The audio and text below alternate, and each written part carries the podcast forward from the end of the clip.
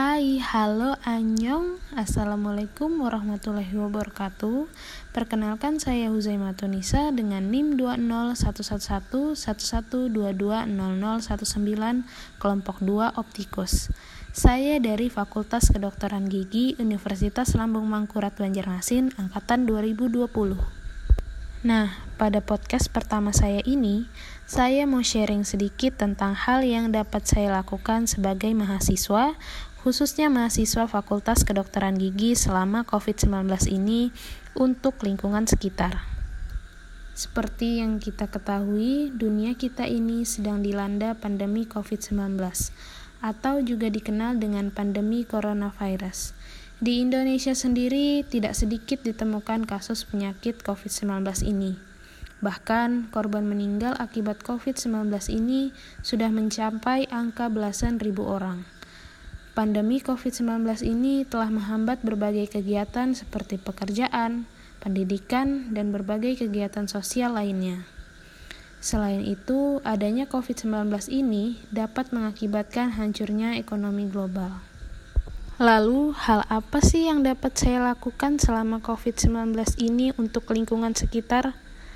Hal yang saya lakukan yaitu saya mengedukasi diri saya tentang COVID-19 ini bisa dengan membaca artikel maupun menonton berita. Data-data yang saya terima ini juga harus valid kebenarannya, karena keadaan seperti sekarang ini banyak berita-berita hoaks yang tersebar. Selain itu, saya menjaga kesehatan dan kebersihan yang dimulai dari diri saya sendiri, keluarga, dan lingkungan sekitar saya. Saya juga mematuhi kebijakan dan aturan dari pemerintah mengenai protokol kesehatan yang harus diterapkan selama pandemi COVID-19 ini. Tak hanya itu, saya juga melakukan kegiatan-kegiatan menarik dari rumah seperti berolahraga, menonton film, dan membaca buku untuk menambah ilmu-ilmu baru dan memanfaatkan waktu luang selama pandemi ini. Mahasiswa adalah agen perubahan dan perubahan itu datangnya dari diri kita sendiri.